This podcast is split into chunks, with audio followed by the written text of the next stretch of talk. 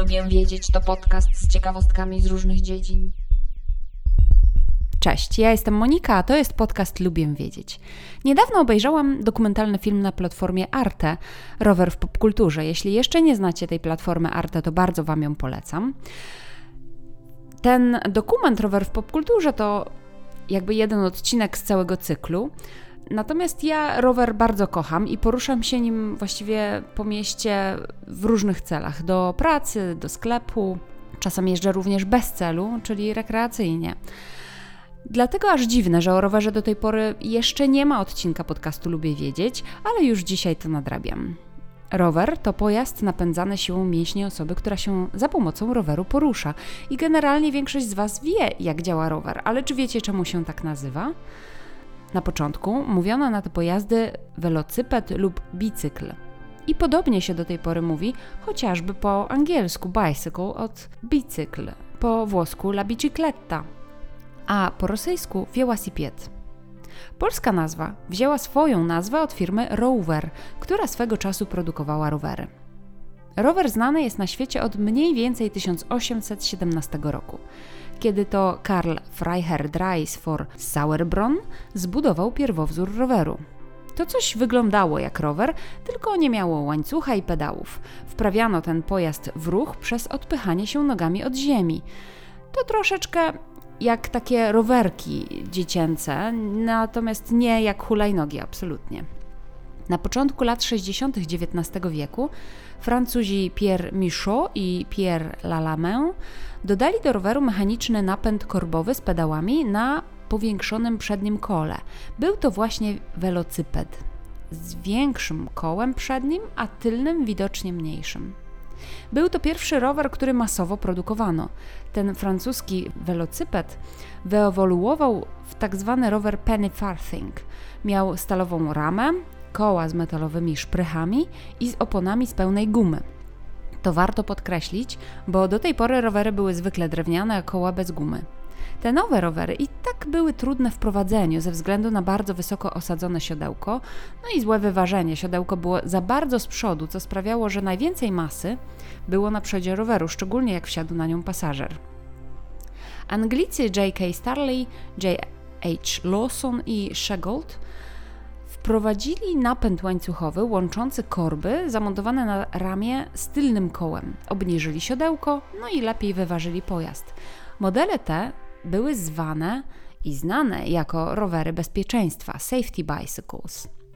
Ten rower Starleya z 1885 roku jest zwykle opisywany jako pierwszy rower, który wygląda już jak ten, który znamy i my, z ramą w kształcie diamentu.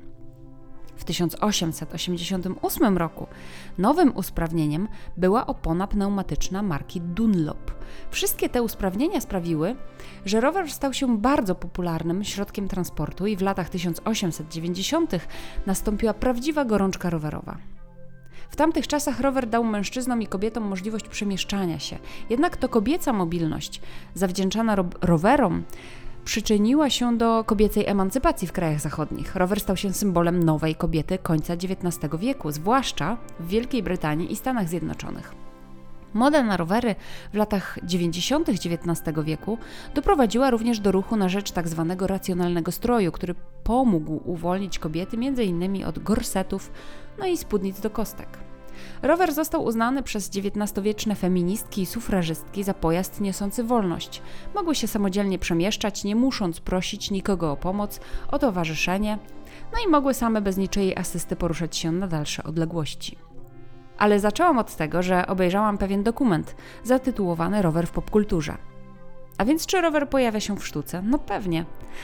Naczelny prowokator dwudziestowiecznej sztuki Marcel Duchamp w 1913 roku zamontował na stołku koło rowerowe na widelcu i zamontował je do góry nogami. I jest to jeden z jego tak zwanych ready-mates.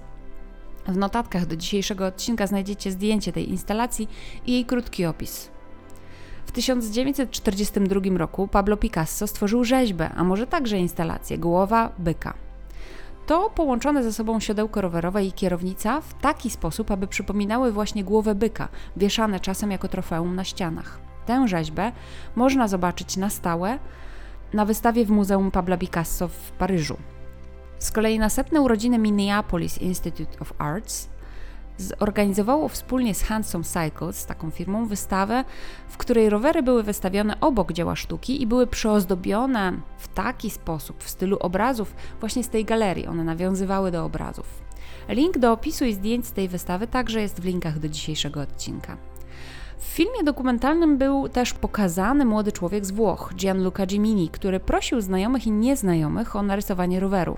No bo przecież każdy wie, jak wygląda rower.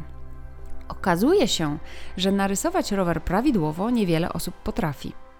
Gianluca te rysunki odręczne przenosi na komputer i stwarza z nich modele 3D, pokazując, że niemal żaden z tych rowerów nie byłby w stanie pojechać.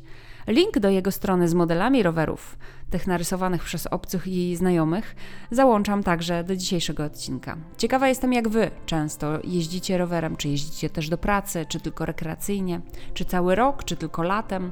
Dajcie znać na Instagramie, lubię wiedzieć. A tymczasem dziękuję za wysłuchanie dzisiejszego odcinka podcastu. Zachęcam do subskrypcji, zapraszam na Instagrama, lubię wiedzieć, gdzie dzielę się innymi ciekawostkami. Mam także Instagrama oddzielnie dotyczącego książek, które czytam, więc zapraszam także na tamto konto Fiszkowa Kartoteka. Do usłyszenia. Cześć!